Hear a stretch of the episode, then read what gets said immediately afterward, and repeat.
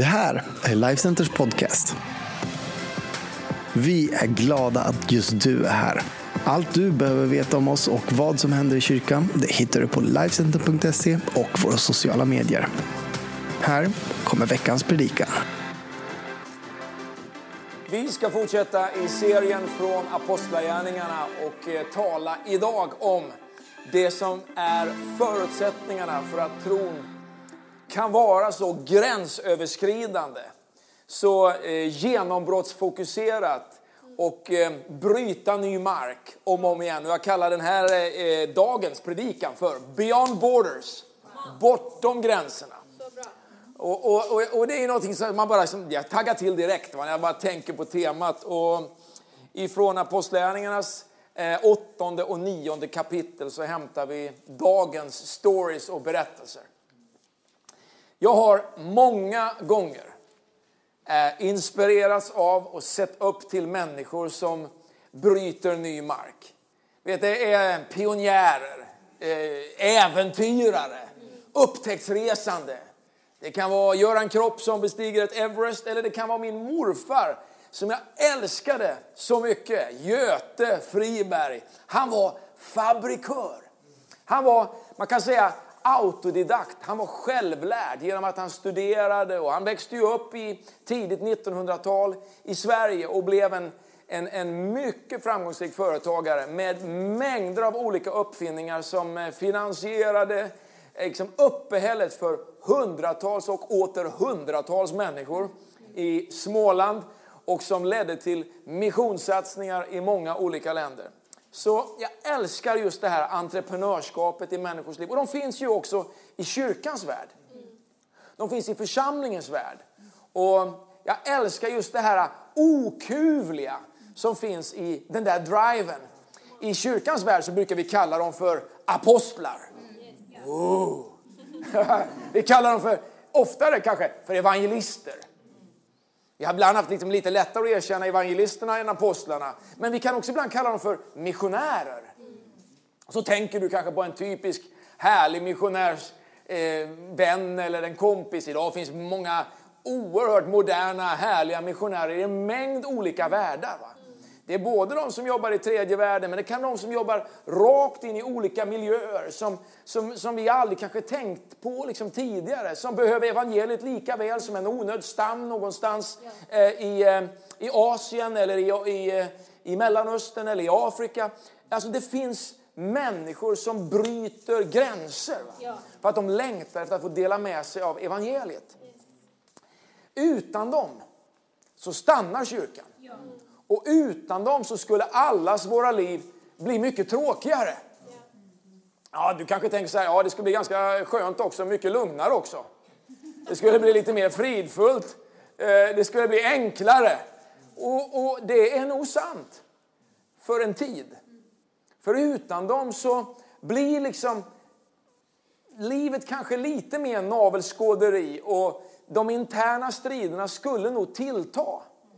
När perspektiven förändras ifrån det vi kallar att göra till eh, kanske att ta hand om våra problem och våra eh, utmaningar på ett annat sätt. Utan dem så blir livet, och jag tror hela samhället kommer att bli mera introvert och, och mera kanske fyllt av misstankar. Nu är ju inte sanningen liksom antingen eller, utan vi behöver alla gåvor. Vi behöver alla funktioner. De som jobbar mera med människans inre på det sättet och de som jobbar mer för expansionen liksom av, av liksom den här eh, underbara eh, kallelsen vi alla bär på att dela evangeliet. Det bästa är alltså en hälsosam balans mellan de här gåvorna. Men gör aldrig misstaget att tro att de här gåvorna vi talar om som de mera entreprenörsaktiga eller gränsbrytande bara liksom är kryddan i det kristna livet. De är motorn. Och de är energin för att världen ska nås med budskapet om Guds kärlek. Det finns gåvor som, vi, som är där för att inspirera och, och utrusta oss alla. Och jag ska idag liksom hjälpa dig att titta på framförallt två av dem genom två stycken persongallerier, ett persongalleri av två personer idag. Och vi ska gå till Apostlagärningarna, det åttonde kapitlet. Och vi ska läsa ifrån vers 3 och 4 där. Det står så här. Men Saulus försökte utplåna församlingen. Då vet man att det är på en viss nivå. va? När man försöker utplåna församlingen, sätta folk i fängelse, se till att de blir dödade och så vidare. Han gick in i hus efter hus och drog fram både män och kvinnor och lät sätta dem i fängelse. De som nu hade skingrats gick omkring och predikade evangeliet. Filippos kom ner till staden Samaria och predikade Kristus för folket. Det första jag skulle vilja lyfta fram idag det är begreppet drive. Att ha en drive. Det finns kraft i evangeliet att bryta ny mark. När, när Stefanus hade blivit dödad så, så kom ju ett starkt tryck över de första kristna. Helt naturligt så flyr man och man är livrädd. Och, eh, det verkar dock som att när man gör det så är man inte tyst utan man berättar sin story om vad man har varit med om och hur allting egentligen började i tron på Jesus. Att det var tron på Jesus som hade gjort att trycket hade ökat över deras liv. Och så var man så fylld av kraften i den heliga ande och längtan att dela med sig av det nya liv man fått. Att människor kunde inte göra någonting annat än att ta emot evangeliet. Det är ungefär du vet, som det står i det fjärde kapitlet när man försökte tysta Petrus. Bland annat att vi för vår del kan inte låta bli att tala om det vi har sett och det vi har hört. Man har både hört saker och man har sett saker. Så är det med våra liv. Och varför är det idag på samma sätt som för 2000 år sedan? Vi kan notera att idag finns det också tryck, men evangeliet predikas. Vi, vi kan notera att man i olika ideologier har deklarerat att Gud är död. Gud ett opium för folket och det finns inget svar i det här. Och ett stort Sovjetimperium en gång i tiden liksom försökte utplåna Jesus ur samhället. Och idag så finns det mer miljoner och åter miljoner Jesus-anhängare i de där länderna än liksom det fanns innan liksom försöken att tysta kyrkan. Vad är det som får oss att liksom på något sätt liksom fånga och greppa och att hålla kvar vid det som, som eh, lärjungarna var med om för 2000 år sedan? Och det första är det här att det går inte att låta bli att tala om det som har förvandlat ditt liv. Är det något som har förvandlat ditt liv så vill du berätta om det. Men älskar du ditt fotbollslag och de vinner liksom högsta serien va? så vet ju alla att Arsenal är världens bästa lag. Det spelar ingen roll liksom, för de har förvandlat mitt liv. Sedan min mamma kom hem till en sjuårig kille med en liten sån där patch som jag kunde sätta liksom på min skolväska i första och andra klass. Va? Så liksom har jag alltid älskat the Gunners. Va? Jag har alltid älskat dem. Eller svenska IFK Göteborg, därför att de vann ju de liksom stora kupperna på den tiden som liksom eh, fotboll betydde någonting på riktigt i Sverige. Och alla kommer ju veta att eh, VM-laget från 94 det är Sveriges bästa landslag oh, ever. Eller hur? Va? Det är ju bara så. Och alla vet att världens bästa idrottsman i alla tider någonsin, han heter Björn Borg. Varför? Jo, han var hjälten och han var stjärnan som förvandlade mitt liv som en liten kille.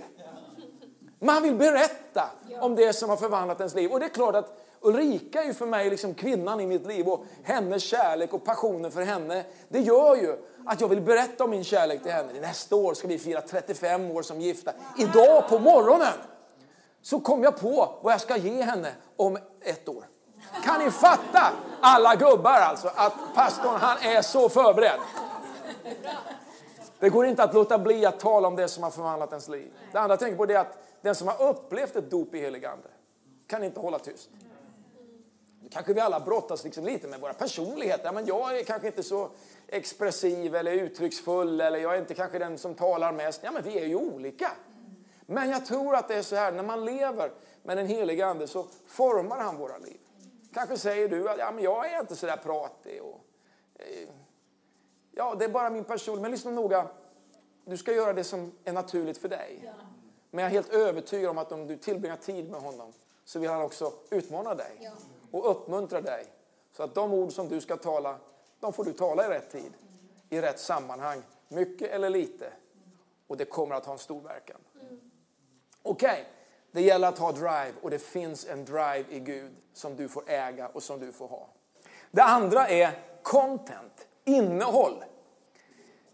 Filippos, en av de här som eh, sprids ut över liksom den kända världen efter trycket i Jerusalem.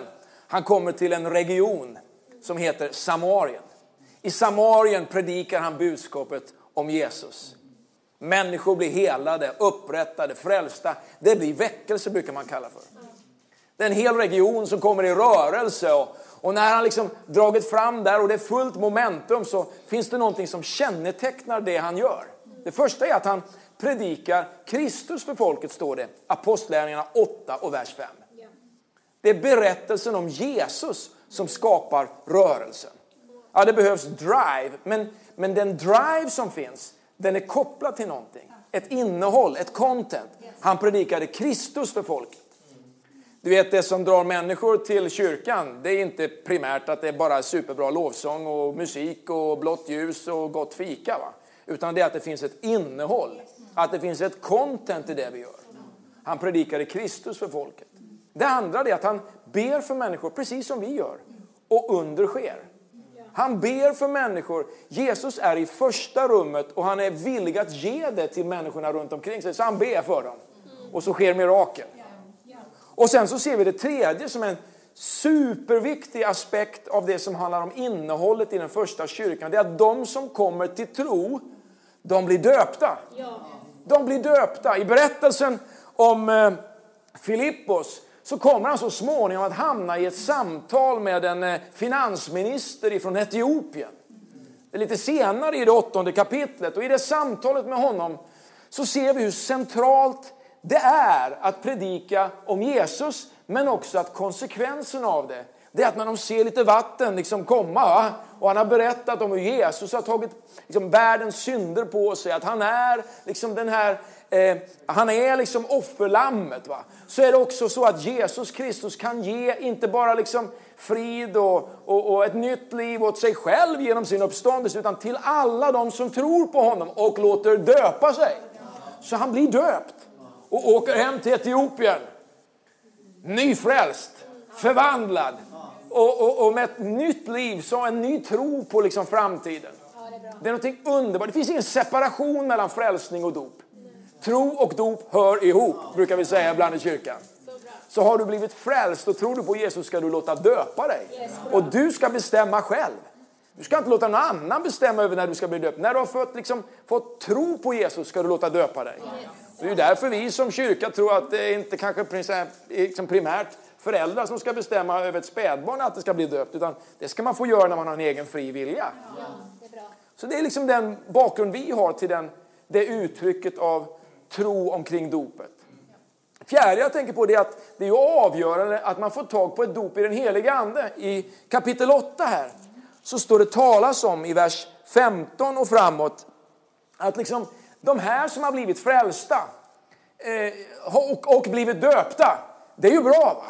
Men, men, men från Jerusalem skickar man upp några kontrollanter. Eller inspiratörer, kan man väl också säga. Det står i vers 14 där i Apostlagärningarna 8. Då apostlarna i Jerusalem fick höra att Samarien hade tagit emot Guds ord sände de dit Petrus och Johannes. Dessa kom ner och bad för dem att de skulle få den helige ande. Eftersom, och lyssna här, eftersom anden ännu inte hade fallit på någon av dem, de var endast döpta i Herren Jesu namn. Och så lägger man händerna på dem och de uppfylls av helig ande och kraft. Alltså, det är bra att man är frälst och döpt, men det finns mer. Och det är ett helt paket va? som Gud vill leverera till oss. Det är liksom en komplett middag. Det är både förrätt, det är huvudrätt och det är efterrätt. Det är fantastiskt att se vad kraften i evangeliet kan göra i våra liv. Och det är det här som jag längtar efter ska hända i ditt och mitt liv allt mer och den här sommaren. Vad skulle hända om du agerade på det här sättet där du gick fram? Där du började berätta om Jesus, där du fick döpa någon i sommar, där du fick lägga händerna på dem eh, på det sätt du gör med spritade händer. Och, eh, och eh, få se hur de tar emot ditt dop i helig ande. Det är alltså drive. Det handlar om, för det andra, vad var det vi sa? Content, Content innehåll. Och för det tredje, it's personal. Det är personligt. Och då tänker jag vi kan gå till nästa person i det här galleriet. Det var ju Filippos här. Och nästa person då, det är Paulus. Du vet Paulus som dök upp här i vår förra predikan när vi talade om Stefanos. Han som tyckte det var bra att Stefanus blev stenad till döds och blev den första kristna martyren. Han som var orsaken till bland annat då att den kristna kyrkan spreds ut över världen för att han förföljde dem och ville sätta dem i fängelse. Han är nu på väg till Damaskus för att sätta kristna i fängelse där. Och på vägen till Damaskus så han är med om en radikal upplevelse när han blir frälst. Du vet alltså när han som då hade förföljt, han ska nu liksom ta steget över till the good side of the force. Han ska alltså lämna den mörka sidan, han ska komma över på rätt sida. En mycket omskakande berättelse när Saulus blir Paulus. För han kommer att byta namn.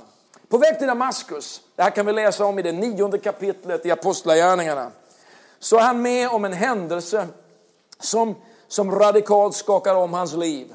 Det står så här ifrån vers 3, Apostlagärningarna 9. När han på sin resa närmade sig Damaskus strålade plötsligt ett ljussken omkring honom från himlen. Han föll till marken och hörde en röst som sa till honom, Saul, Saul, varför förföljer du mig? Han frågade, vem är du, Herre? Rösten svarade, jag är Jesus, den som du förföljer. Men stå upp och gå in i staden så ska du få veta vad du måste göra. En oerhört dramatisk händelse. Han för en dialog med någon som han inte ser men som han uppfattar. Jesus. Vem är du Herre? Jag är Jesus. Han möter Jesus på vägen till Damaskus.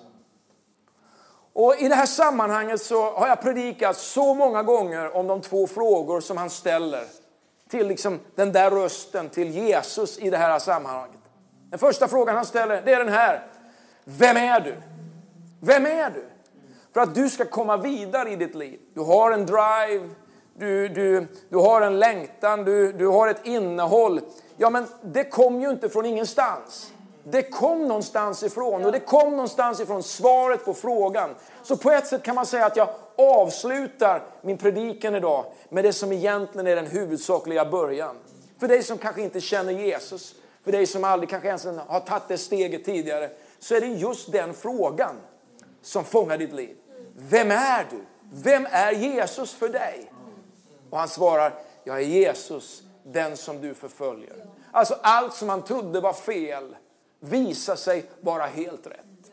Allt som han liksom kämpade emot skulle han nu omfamna. Allt som han hade försökt att kväsa och, och hålla tillbaka och sätta i fängelse skulle han nu genom sitt eget liv vara med och släppa loss ja. över hela den kända världen. Vilken dramatisk turnaround. Ja. En 180-gradare jag ska säga, en, en av de mest magiska 180-graderna som har funnits liksom, i världshistorien. Vem är du? Den andra frågan han ställer, och det kan vi se i hans senare vittnesbörd i Apostlagärningarna på flera ställen. När han ger sin eget vittnesbörd, sitt eget vittnesbörd i olika situationer. Han frågade, vad vill du att jag ska göra? Och det kan du också utläsa av den här texten. Rösten säger, gå in i staden och jag ska visa dig vad du ska göra. Vad handlar det om? Jo, att lära känna Jesus. Det är starten på det liv som handlar om att hitta livets mening. Att man har hittat liksom, det här är jag ämnad för. I kapitel 9 så kan vi läsa i vers 15 de här orden. Men Herren sa till honom, gå. Han är ett redskap som jag har utvalt för att bära fram mitt namn inför hedningar och kungar och inför Israels barn. Det fanns ett purpose med hans omvändelse. Det fanns ett purpose, ett syfte med hans liv. Han skulle predika evangeliet där ingen annan hade predikat. Och han skulle ultimat få ge sitt liv för evangeliets skull. Paulus omvändelse, radikal omvändelse. Vem är du? Vad vill du jag ska göra? Och det är precis de frågorna som du behöver ställa dig idag. Vem är du för mig Jesus? Är han din frälsare? Underbart. Ställ andra frågan. Vad vill du jag ska göra? Ja, använd det han har lagt ner i ditt liv för att bara dela det med andra människor på det bästa sätt du kan göra. Och investera ditt liv i att se den här förvandlingen med de gåvor Gud har lagt ner i ditt liv som vi har talat om i de tidigare söndagarna. Min vän, det är fantastiskt att hitta kraften i evangeliet, i mötet med Jesus. Men det är också fantastiskt att vara använd av Gud. Kanske har du funderingar på vem Jesus är. Du kan hitta honom idag. Och varför inte på ett sånt här enkelt sätt som vi gör i alla våra gudstjänster, bara knäppa dina händer och be med oss i den här enkla bönen. Ska vi göra det tillsammans? Vi knäpper våra händer och sluter våra ögon. Jesus, jag välkomnar dig in i mitt liv. Ska du vara med mig och säga de här enkla orden? Jesus, jag välkomnar dig in i mitt liv. Förvandla mitt liv. Förlåt mig min synd. Upprätta mig. Använd mig. Bruka mig. I Jesu namn jag ber. Amen.